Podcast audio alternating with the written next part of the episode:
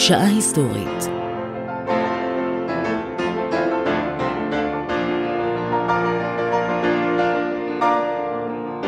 ממצוקה לכישלון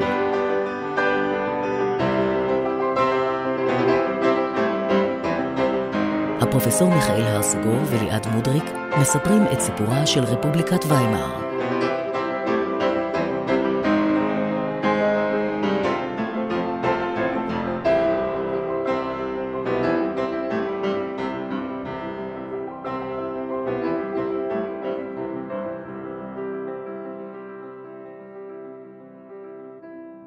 שבת שלום פרופסור. שבת שלום. את התוכנית הקודמת סיימנו בפרוץ מלחמת העולם הראשונה.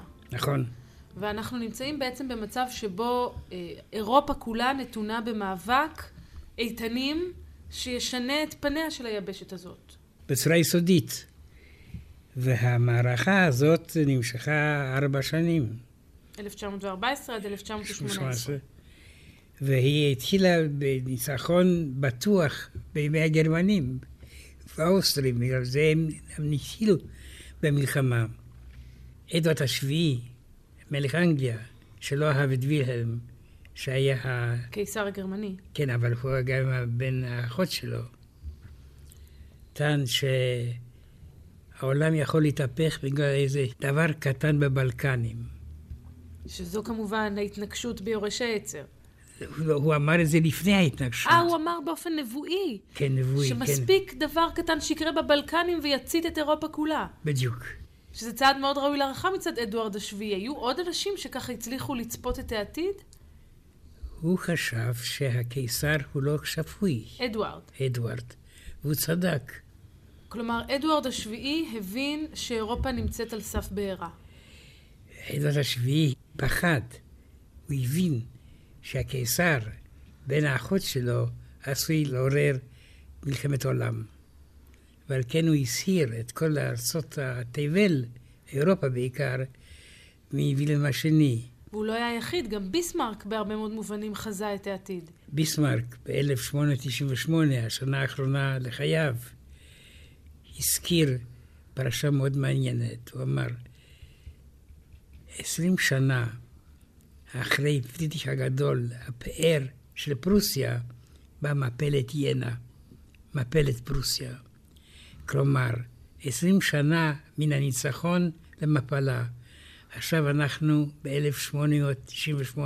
הלוואי שבעוד עשרים שנה לא תבוא מפלה, והיא באה. בדיוק ב-1918. 18, כן. אז יש לנו שני נביאים, גם אדוארד השביעי וגם כן. ביסמרק.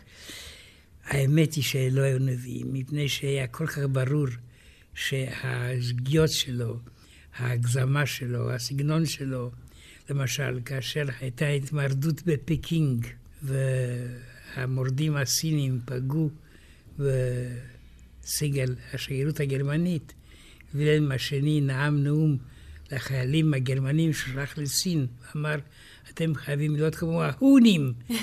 בעוד אלף שנה אף סיני לא יסתכל על גרמני ללא פחד. כלומר, הוא היה איש חסר עכבות, חסר אחריות בהרבה מאוד מובנים. פעם הכריז, חשוב מאוד מה שאומר הקיסר הגרמני, הוא אומר על עצמו. יש משקל למה שאומר הקיסר הגרמני. אבל היו כאלה שהעריכו אותו בכל זאת? העריכו אותו כאדם מסוכן. כאדם מסוכן. ובגרמניה היו קולות נגדו. והוא גם לא הבין שום דבר, דרך אגב, מפני שהוא לא הבין שהרצח בסרייבו יכול להיגמר על ידי מלחמת עולם. הוא נסע לים הצפוני, בקרוזיירה. אה, קצת כמו ג'ורג' בוש שיצא לחופש.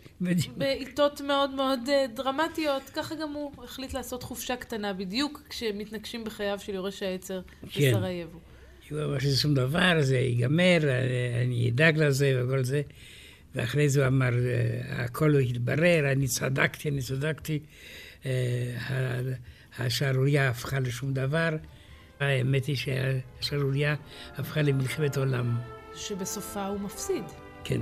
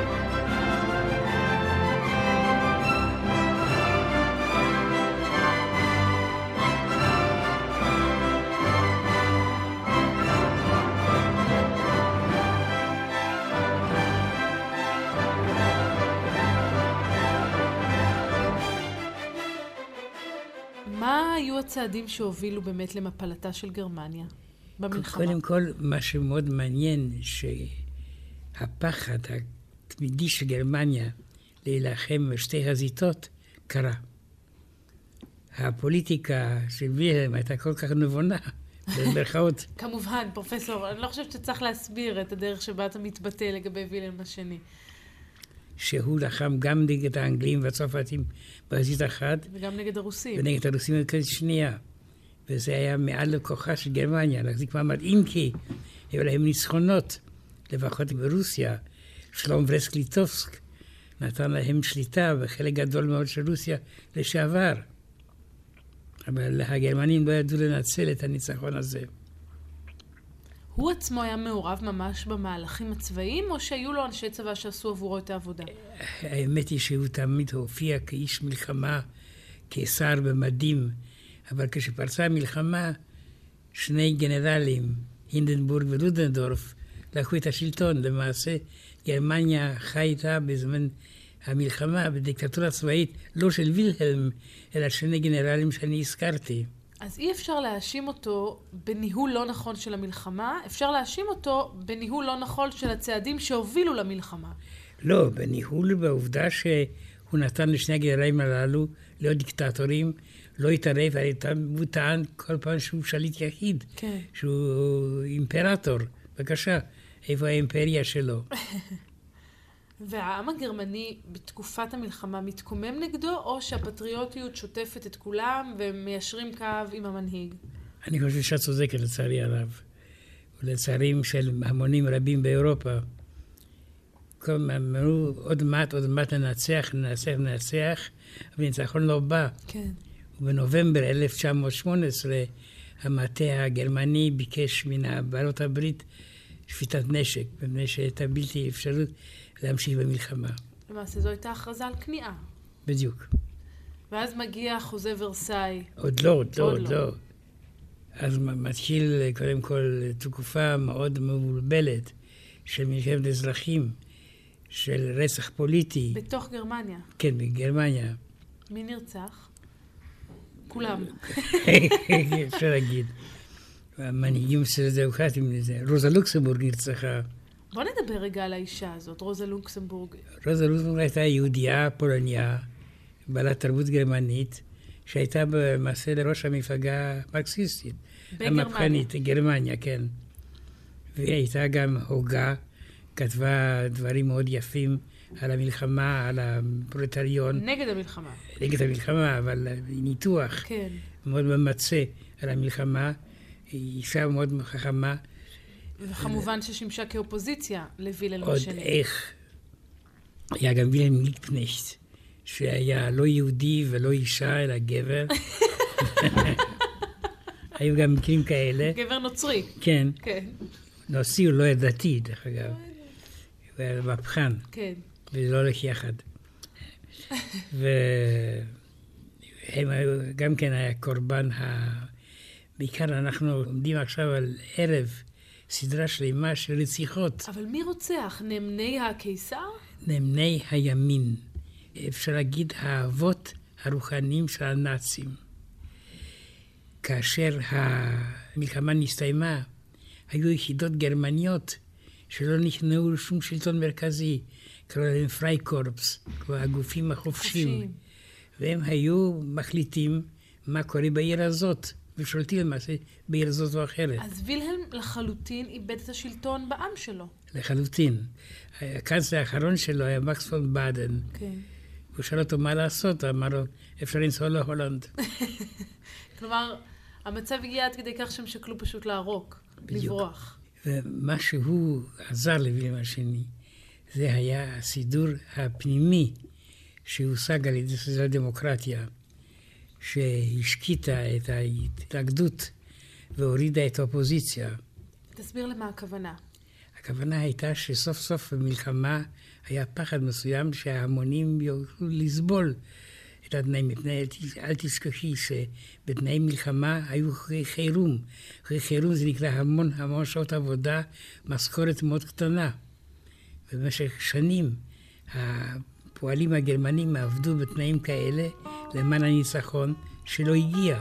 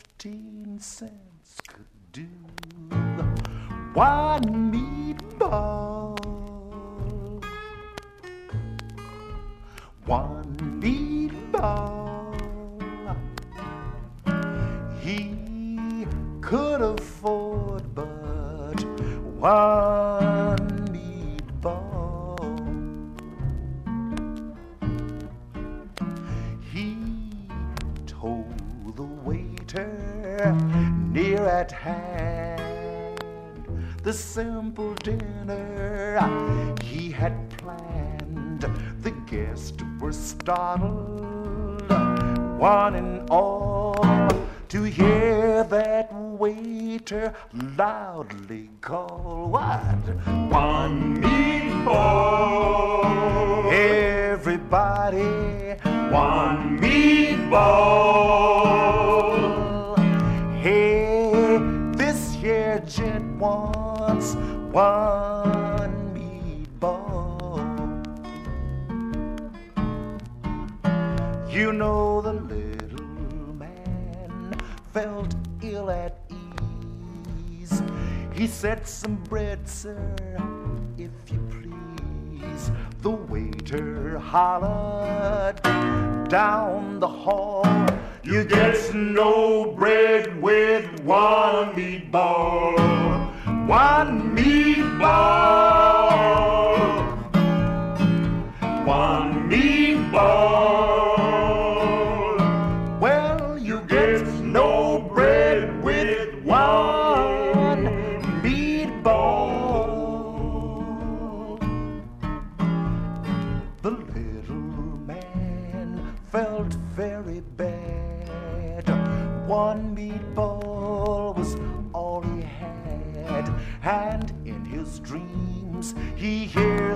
call.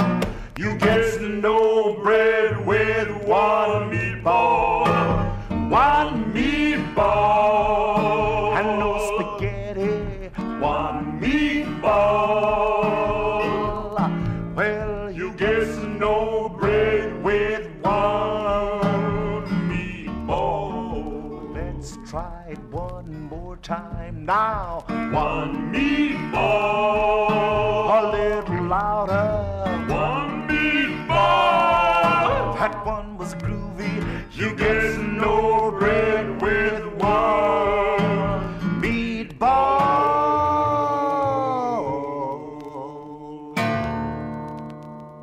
קודם כל, יש כאן שיתוף פעולה מאוד מעניין בין ביסמרק, ביסמרק, ביסמרק, לבין הסוציאל דמוקרטים. אבל ביסמרק מת כבר 20 שנה. כן, אבל הוא יסד השיתוף הפעולה הזה, שלאט לאט, על ידי מתן זכויות לפועלים, הפועלים ויתרו על ההתנגדות הפוליטית. כלומר, ביסמק הוכיח שאפשר בלי מהפכה להגיע להישגים עצומים למען הפועלים, ביטוח בריאות, ביטוח זקנה. אז בעצם, אם אני מבינה נכון את מה שאתה אומר, בתקופת שלטונו של ביסמרק הוא עשה צעדים לטובת הפועלים, ועכשיו, כשאנחנו נמצאים ב-1918, גרמניה נכנעת ונמצאת לפני באמת תקופה של תוהו ובוהו פוליטי, הפועלים שקיבלו 20 שנה קודם לכן, או קצת יותר, את זכויותיהם, לא מעוררים מהפכה. לא מעוררים מהפכה, אם כי פורץ מרד. איפה? בקיל. בקיל. מדוע קיל? קיל היה הבסיס הימי ואל תשכח, אל נשכח שווילם השני בנה על הצי, ורצה למעשה שהצי הגרמני יתחרה עם הצי האנגלי כן. לשלטון העולם. ועל כן צי המלחמה הגרמני היה ילד הטיפוחים של וילם השני, ודווקא המרד פרץ בווילהלמשהגן, בצפון, בקיל, כלומר, זה בצפון הפך גרמניה. לסמל, ודווקא בסמל. בגלל זה בחרו במקום הזה כדי לפתוח במרד. אבל מה כלל המרד?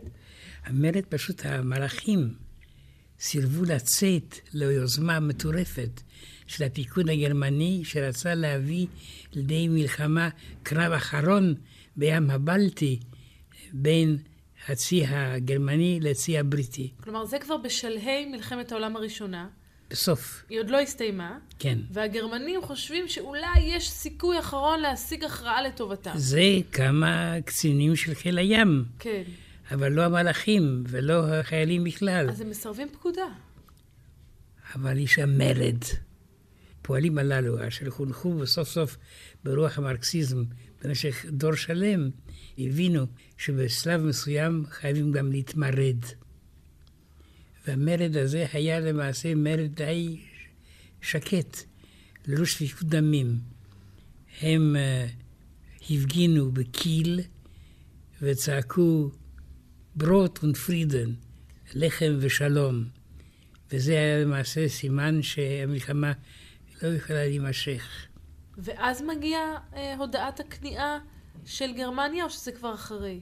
לא, אח- אחרי זה וילהלם שאל את היועצים, הוא היה בספא, ספא זה עוד עיר פעם הוא היה קיץ. בספא. חיים טובים הוא עושה כן. בזמן המלחמה. ללא ספק. ואז הם אמרו לו שכדאי לברוח להולנד. להולנד, ומלכת הולנד וילהלמינה. וילהלמינה. וילהלמינה. קשורה לווילהלם, או שזה סתם לא, מקרה? זה סתם מקרה. אולי שהם אבות משותפים. יכול להיות. כן, אה, הסכימה שהוא יבוא להולנד אולי השם. המשותף השפיע עליה. כן, כפ- זה אני לא אומר, כבר פוליטי, והוא יצא להולנד, והוא יישאר שם עד מלחמת העולם השנייה. פשוט בגלות. כן, ועדיין הוא רואה בעצמו שליט גרמניה? לא, אבל היטלר שלח לו חיילים להזיע לו כאשר הגרמנים כבשו את הולנד, והוא דרש להיקבר בגרמניה רק אם המלוכה תחזור, ועד היום הוא נשאר קבור בהולנד, כי מעניין. המלוכה לא חזרה. אז הוא עוזב להולנד, מי משתלט על השלטון בגרמניה? הסוציאל דמוקרטים. ועכשיו בתוך הסוציאל דמוקרטים יש ריב. אבל עוד לפני הריב, כבר ברור שלא יבוא קיסר חדש? כלומר, ברור שהשלטון עובר פה כן, זה ברור. מהפכה? זה ברור, ברור. קודם כל, מאוד מעניין, היו לו חמישה בנים. לווילהלם. כן, והוא היה תמיד ביום החג לאומי של גרמניה, רוכב במרכז ברלין עם בניו מאחוריו, על אותו מספר של סוסים כמובן. כן. וזו הגאווה שלו, הנה, הקיסר עם דור דור חדש ההמשך. עליהם. כן, זה ש... אבל דור ההמשך הזה היה מאוד מאוד בינוני. יורש העצר עצמו, קרומפרינץ, יורש העצר, היה אדם תת-בינוני, אשר נאם נאומים מלחמתיים אבסורדיים, והיה מאוד מאוד אה, לא מקובל על ידי בעלי הברית המערבים. ככה שברור מאוד שזה לא ילך. אבל מה היה כאן? כן. היה חוזה סודי בין ביסמרק לבין הסוציאל דמוקרטיה. אותו חוזה שעליו דיברת מלפני 20 שנה. כן. והחוזה הסודי היה מבוסס על עיקרון של נושא מהפכני בשנה ביסמרק. אפשר לתת לפועלים זכויות. כל ההישגים בתנאי שלא יהיו פוליטיים, אלא חברתיים. אפשר לתת להם ביטוח, ביטוח בריאות, ביטוח מחלה, ביטוח זקנה, הכל. אבל לא פוליטיים, לא זכויות פוליטיות. כן. והשיטה הזאת, שיתוף פעולה, מצד אחד רוחב מאוד לפועלים, למלא את הדרישות שלהם הפיזיות, ה... ומצד שני, נטרול היכולות הפוליטיות שלהם. כן, וזה היה למעשה ניצחון של ביסמרק, שהוא סירס את מעמד הפועלים הגרמני עד המרד בקיל. Heller und ein Batzen, die waren beide mein, ja mein. Der Heller war zu Wasser, der Batzen war zu Wein. Der Heller war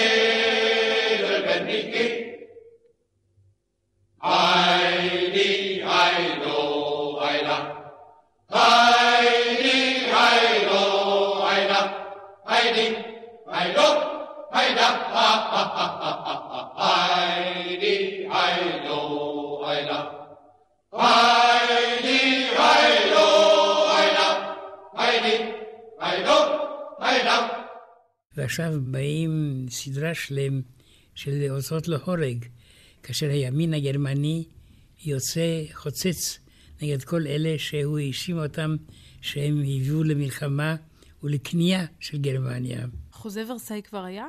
או זה היה לא. עדיין לא. לא. אני ממש מחכה בקוצר רוח שנגיע. רק ל-1918. לא, עיתותינו בידינו, אני כן. מחכה בסבלנות. ואתה מתאר שורה של רציחות פוליטיות והוצאות להורג בגרמניה. למשל, אחד האנשים המרכזיים היה יהודי בשם ולטר רטנאו. ולטר רטנאו היה בן של מייסד חברת החשמל הגרמנית, הוא היה מיליונר, הוא היה אדם מפואר, והוא טען, דרך אגב, הוא נתן הוראות ליהודי גרמניה לא להיות ציונים, לא להיות סוציאליסטים, אלא להתמזג במעמד הבורגני ולהיות גרמני טוב. שזה בכלל היה הלך הרוח הדומיננטי בקרב יהדות. גרמניה של אותה התקופה, ולכן התגובה הנאצית או הפעולה הנאצית באה עליהם בכזו הפתעה. מבחינתם זה היה כזה הלם, כי הם ראו בעצמם, אנחנו יודעים, גרמני בן דת משה. זה נכון, אבל הזכירו להם עכשיו, כשפרץ המשבר, שהם יהודים ולא גרמנים בראשה, ולמעשה אז נוסדה גם המפלגה הנאצית, שהייתה קיקיונית, קטנה מאוד, ועכשיו מתפתח בעיקר, בעיקר הודות לכישרונו התעמולתי של חייל משוחרר בשם אדולף היטלר. אדולף שיקל גרובלר לשעבר. שיקל גרובר, אשר דרך אגב, אביו היה ילד בלתי חוקי, וכאן היה שיקל גרובר, כי היטלר היה שם חוקי. והוא השתדל מאוד מאוד להסתיר את העובדה כן. שמוצא המשפחה זה מנישואים בלתי חוקיים. את העובדה הזאת, כן. ואת הרקע האוסטרי, היו לו הרבה דברים שהוא רצה להסתיר. ללא ספק. כן. אנחנו עדים ללידתה של המפלגה הלאומית החברתית של גרמניה, כלומר, הנציונל סוציאליסטית. בדיוק, הנאצית. הנאצית. כן. מי בעצם מקים אותה? זה לא היטלר עצמו שמקים אותה.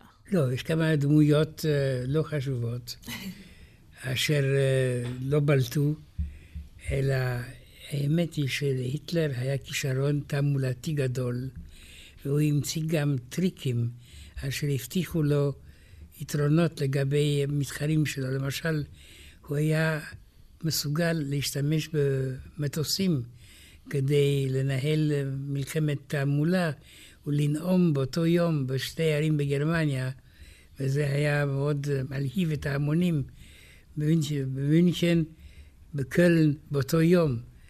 איש לא ראה את זה, אדם שנואם בשני ערים שרחוקות עשרות קילומטרים זו מזו באותו יום על ידי אמצעי חדיש לחלוטין, המטוס. אבל זה כבר בשלב כמובן הרבה יותר מאוחר. כרגע, בהקמת המפלגה הנאצית הוא עדיין לא אה, בעל חשיבות כזו שיטוס בין ערים במטוסים. לא, אבל הוא הצטיין על ידי הנאומים שלו. כן.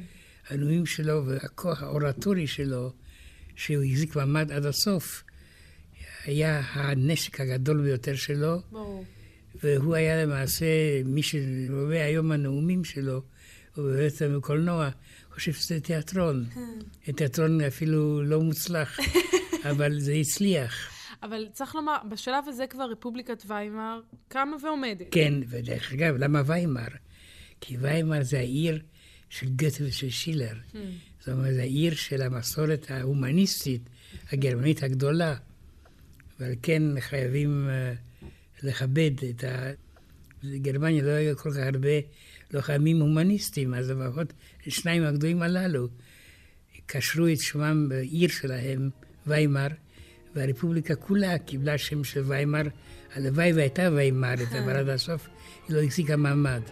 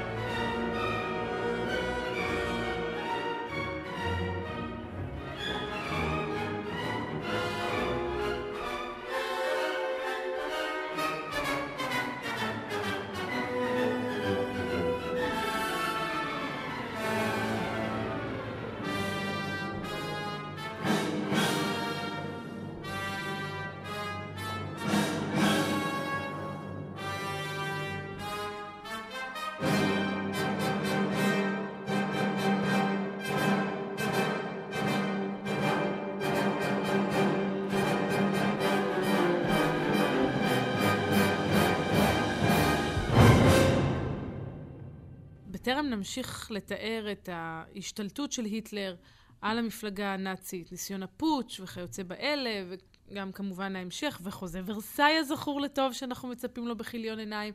כמה מילים על היטלר עצמו. כן. הוא בסך הכל ילד מתואר בספרים, הכל קצת, אה, צריך להתייחס לזה בערבון מוגבל. אה, לפעמים אני בתחושה שיש איזו פסיכולוגיה בגרוש בניסיון לתאר את דמותו של היטלר. אפילו ראיתי מחקרים שטוענים שהוא סבל מפרקינסון ומאלצהיימר בסוף חייו. בסוף חייו, גם כן. גם זה כבר קיים. אבל אם אנחנו חוזרים לילדותו, הוא מתואר כילד יחסית דחוי, במשפחה לא מאוד יציבה. מה שהרשים אותי זה שהוא נכשל במבחנים לצרפתית. אתה אומר, מי שנכשל. במבחנים לצרפתית, עתידו שיכשיל את האנושות כולה ויוביל אותה לקטסטרופה. לפי דעתי. בוודאי. הקשר הוא ברור, זה הרי אחד לאחד. כן, אבל אני לא רוצה לכפות את הדעה הזאת על אחרים. ודאי שלא, כן. אתה רק מביע אותה מדי שבוע, אבל, אבל זה בסדר. בשביל זה אנחנו כאן. כן. אבל היטלר, הוא לא מגיע מאיזה רקע של היותו אחד מאצולת גרמניה. ההפך הוא הנכון. ולא גרמני. וזה נתן אחרי איזה לידה ללעג שהוא צ'כי. והגנרלים אמרו, אנחנו נשמע מה שאומר הטוראי הצ'כי הזה, כי הרי הוא היה אוסטרי. כן. כלומר, הוא לא, לא גרמני ממש. וזה ב- הזכירו לו. וגם הרבה זה. נכתב על היותו צייר די בינוני, ועל הניסיונות שלו להתקדם בצבא שלא מאוד צלחו. מסיבות אה, חברתיות.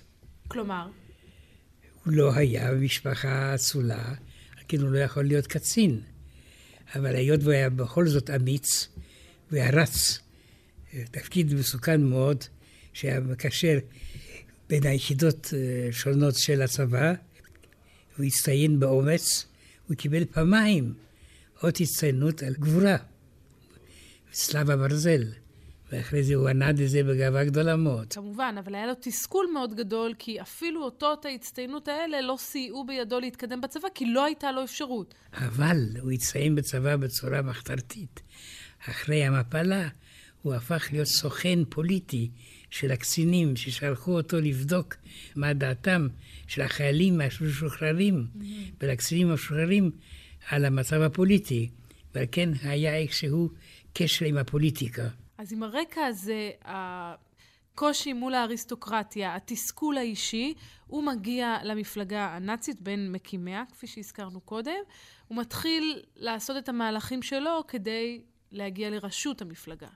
כן, הוא, אני חושב שהוא לא היה כל כך בטוח שיגיע לרשות, אבל הוא היה משוכנע שמה שהוא אומר הוא טוב, הוא נכון. הוא טען שגרמניה נבגדה, היא לא נוסחה. היהודים והסוציאליסטים הם הם שנתנו לאויב את הנשק כדי להנחית את המכה הניצחת עליה, וכן יש לתקן המצב על ידי הקמתה של גרמניה חדשה, אשר תנצח מה שהיא לא הצליחה לעשות במלחמת העולם הראשונה. וצריך להסביר בהקשר הזה, ש... והנה אני סוף סוף מגיעה לחוזה ורסאי שלי, שמי שחתם על חוזה ורסאי לא היו אותם שני גנרלים שניהלו את המלחמה, אלא נציגי הממשלה הסוציאל דמוקרטית. לכן היטלר יכול היה לטעון שמדובר בבגידה של השמאלנים. כן, בל נשכח שהחוזה נכתב בוורסאי, מפני שבוורסאי בינואר 1871 הוכרזה האימפריה הגרמנית כן. על ידי ביסמרק. אבל כשאנחנו מסתכלים על החוזה הזה באמת בראייה היסטורית, היה כאן עיוורון של מנהיגי המדינות האחרות שהשפילו את גרמניה באמת בצורה מאוד מאוד בוטה בחוזה הזה. יכול להיות שהיו צריכים להיות יותר סלחניים לגביה כדי למנוע את העתיד לבוא? קודם כל, הם אה, לא לקחו בחשבון שגרמניה יש בעל ברית סודי, וזה ברית המועצות. כן. ותעשיית הנשק התחילה להתפתח בברית המועצות, ברשות גרמניה, עד שתוכל לזרוק את המסכה ולהחזיר את התעשייה בתוך גרמניה עצמה. כי, אחת, כן- כי באמת אחת ההגבלות הכי משמעותיות של חוזה ורסאי, שהרגיזו ויצרו תסיסה מאוד גדולה בגרמניה, זה האיסור על כוח צבאי. כן, הכוח הצבאי היה מוגבל, חיל הים היה מוגבל, חיל האוויר לא היה קיים בכלל. על כן, היא הקימה חיל האוויר ברוסיה הסובייטית, שהייתה נבגדת על ידי בעלות הברית, והרגישה גם כן במצב של חידלון, ורצה להתנקם במערב על ידי עזה שניתנה לגרמניה המנוצחת. אז החוזה פגע בגרמניה, לפחות בתיאוריה, כי אמרת, היא מצאה דרכים לפתור את הבעיה, אבל היא פגעה בה מבחינה ביטחונית. הייתה כאן גם פגיעה כלכלית ופגיעה בשטחים, נכון? חוזה ורסאי, וזו הנקודה הכאובה ביותר לגרמניה, אחריותה של גרמניה כולה למלחמה. כן. זה היה הסעיף שהנאצים ואחרים נסו למחוק בכל מחיר. והם היו צריכים אגב גם לשלם על זה. בוודאי. על האחריות הזאת. ונוסף לזה הייתה גם אינפלציה מחרידה, הרסנית, בולדואר פנימי, עלה 50 מיליארד מרקים. 50 מיליארד מרקים, מרקים. לבול דואר אחד. כן, ומשכורת נשלמה בסחורה פעמיים ביום. כלומר, במקום לקבל כסף, הם קיבלו מוצרים. מוצרים, מפני שהאינפלציה הייתה קטסטרופלית.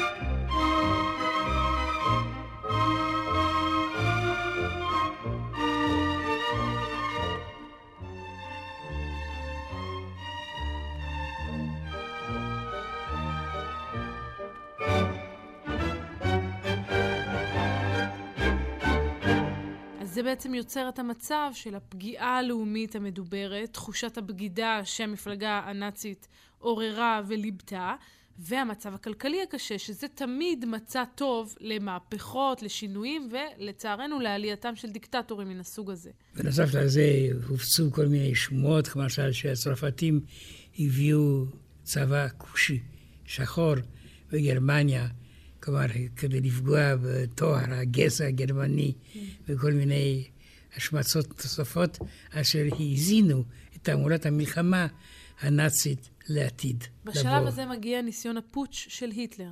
כן, שהוא לא הצליח, מפני שהגנרל שהיה חייב לתמוך, לודנדורף, הסתלק מן התמיכה שלו, והשאיר אותו למעשה, בגד בו, מה הייתה התוכנית המקורית? להקים אה, דיקטטורה צבאית אשר תקים את גרמניה על רגליה ולהקים שוב את הצבא הגרמני. וזה לא הצליח, קודם כל בעלות הברית לא היו נותנים את זה, ולודנדורף הסתלק, ואחרי זה השריד האחרון היה פאול פון הינדנבורג, שנבחר לנשיא הרפובליקה הגרמנית, ויימר. פאול הינדנבורג לא היה ממש מיליטריסט צבאי, אבל הוא היה מי שעד הסוף נתן את השלטון להיטלר. כי כמו שכולנו יודעים, הניסיון הכוחני של היטלר להשתלט על גרמניה אמנם נכשל, אבל הדמוקרטיה סללה את דרכו פנימה. בדיוק. וזה למעשה שיעור מר מאוד לאוהבי הדמוקרטיה.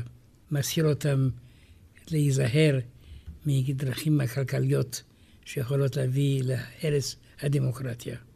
אם אנחנו מנסים באמת לפצח את סוד כוחו של היטלר, או את הקלות היחסית שבה הוא השתלט על ההמונים, אז דיברת קודם על כוח הנאום הגדול שלו, אבל הייתה לו גם תמיכה כלכלית משמעותית. בנוסף לזה, בכזה נאום הוא גם לא כתב ספר, הוא הכתיב ספר, מיין קאמפף, כמובן, בכלא. בכלא, שזה למעשה אה, ספר זיכרונות, שם הוא מספר על נעוריו, על סבלו, על כישלונותיו. אבל זה לא רק זיכרונות, זה גם רעיונות ואידיאלים. בהחלט. נדמה לי ששם הוא מזכיר את מרחב המחיה בין השאר. בהחלט, כן. והספר הזה הפך להיות בסט סלר, והמפלגה הנאצית גם הבטיחה שזה יהיה בסט סלר. כאשר הגיעו לשלטון, הספר הזה ניתן לכל זוג צעיר שהתחתן כמתנה, והייתה תעמולה ממש המונית כדי להפיץ את הספר הזה ולהשריש אותו עמוק בתוך המצפון הגרמני. אנחנו כבר בעצם מדברים על השלב שבו היטלר מנסה לכבוש את גרמניה, עוד לא תיארנו למעשה איך הוא משתלט על המפלגה הנאצית. כלומר, איך הוא הופך ממספר 7, נדמה לי שהוא כן, היה, שבע, כן. ל- למספר 1. מפני שהוא היה נואם כישרוני, פתטי. היום לשמוע נאום שלו זה משהו מצחיק וטרגי, ים יחד. תיאטרון וקומדיה. אבל זה עבד. זה עבד. הגרמנים היו פצועים, סבלו מן בושת המפלה, והוא החזיר להם את האמונה בעצמם כעם לוחם, וכמובן הוא נעזר על ידי תעמולה של וגנר, שהיה המלחין האהוב עליו ועל גרמניה כולה עכשיו. אחר כך תגיע גם לני ריפנשטל והניסיון להעלות על נס את המיתולוגיה הגרמנית ואת החזרה לגרמניה הגדולה והטובה של פעם. והגברית. והגברית. פעם. כן, כן. פתאום אנחנו מדברים על הגבר הארי החדש, משהו שהיטלר מאוד אה, טיפח, דווקא אם כי הוא היה שחרחר. כן, כן. בניגוד מוחלט לממשלה הנוכחית, הסוציאל דמוקרטית, שניסתה דווקא באמת לשדר מסרים יותר הומניים, פחות לוחמניים. בדיוק. אם כי בינינו לבין עצמנו היו גם סוציאל דמוקרטים, כמו נוסקה, אשר כל הזמן דאג שהמהפכה לא תהיה יותר שמאלית ויותר מדי דמוקרטית, כדי שלא תנתק לגמרי מן המסורת הגרמנית הלאומנית.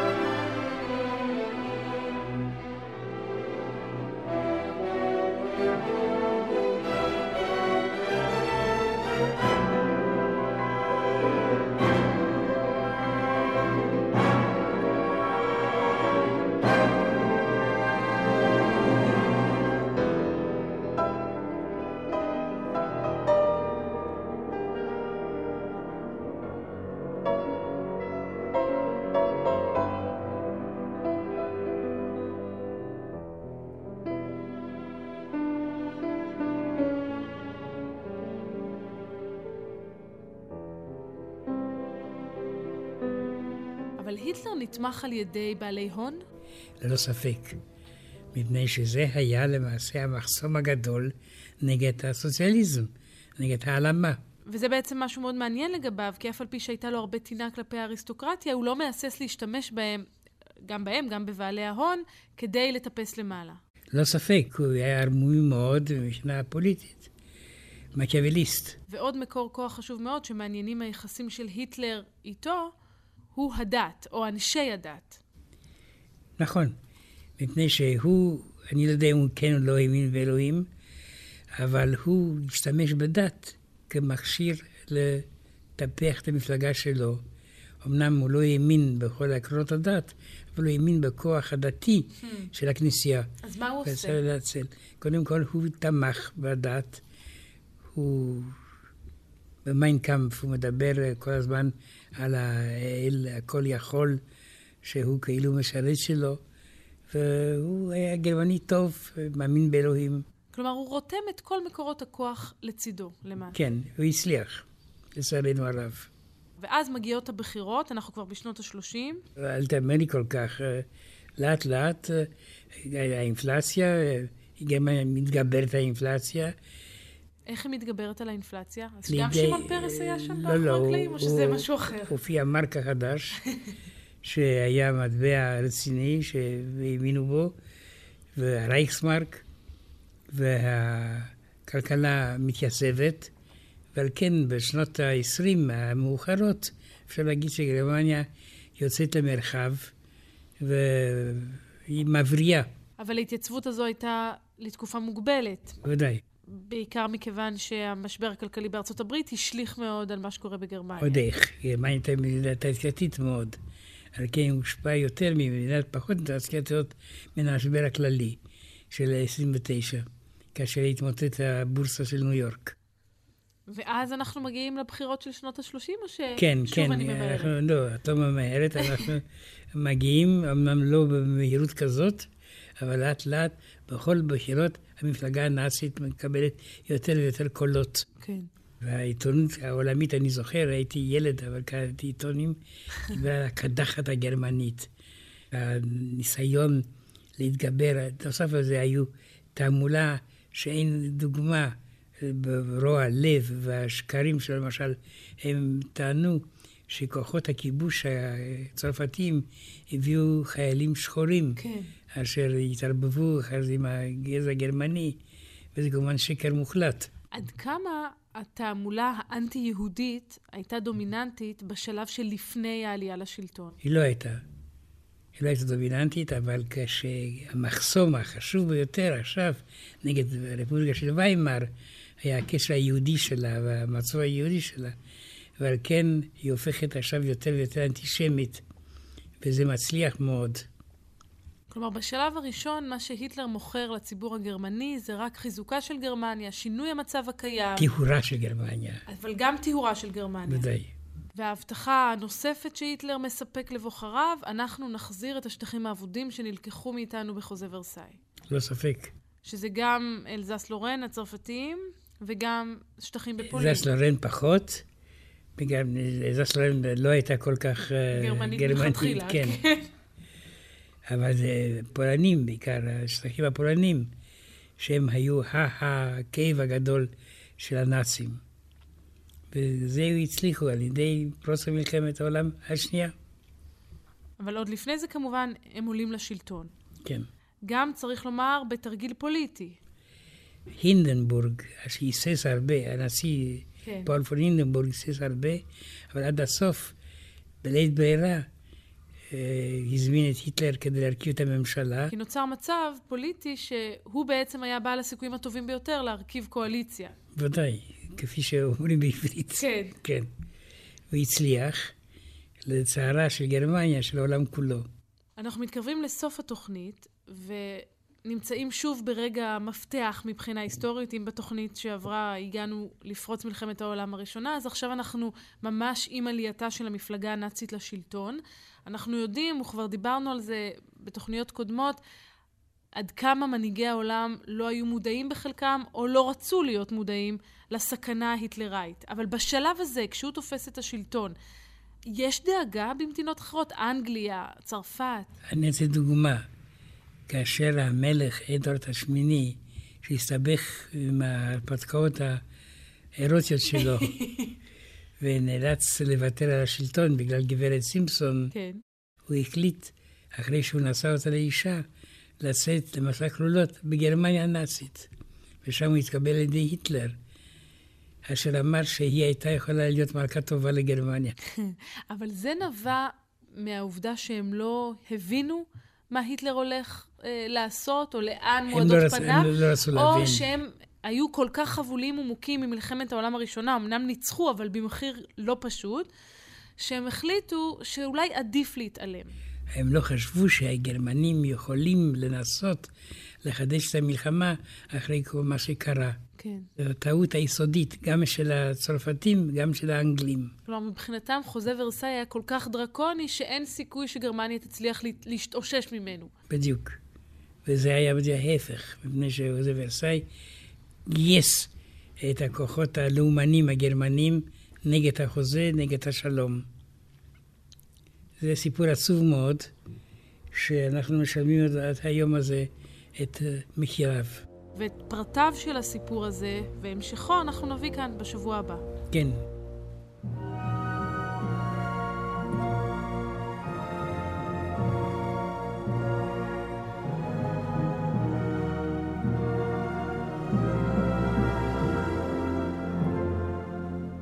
שעה היסטורית.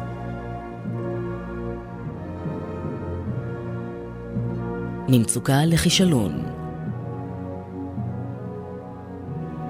הפרופסור מיכאל הרסגור וליעד מודריק סיפרו את סיפורה של רפובליקת ויימאר. עורכת נטלי פדון.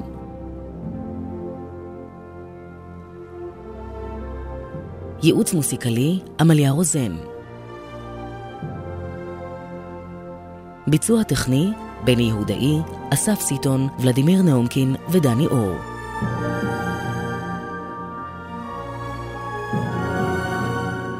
בתוכנית הושמעו קטעים מוסיקליים מאת המלחינים בטהובן, מאלר ואדינסל.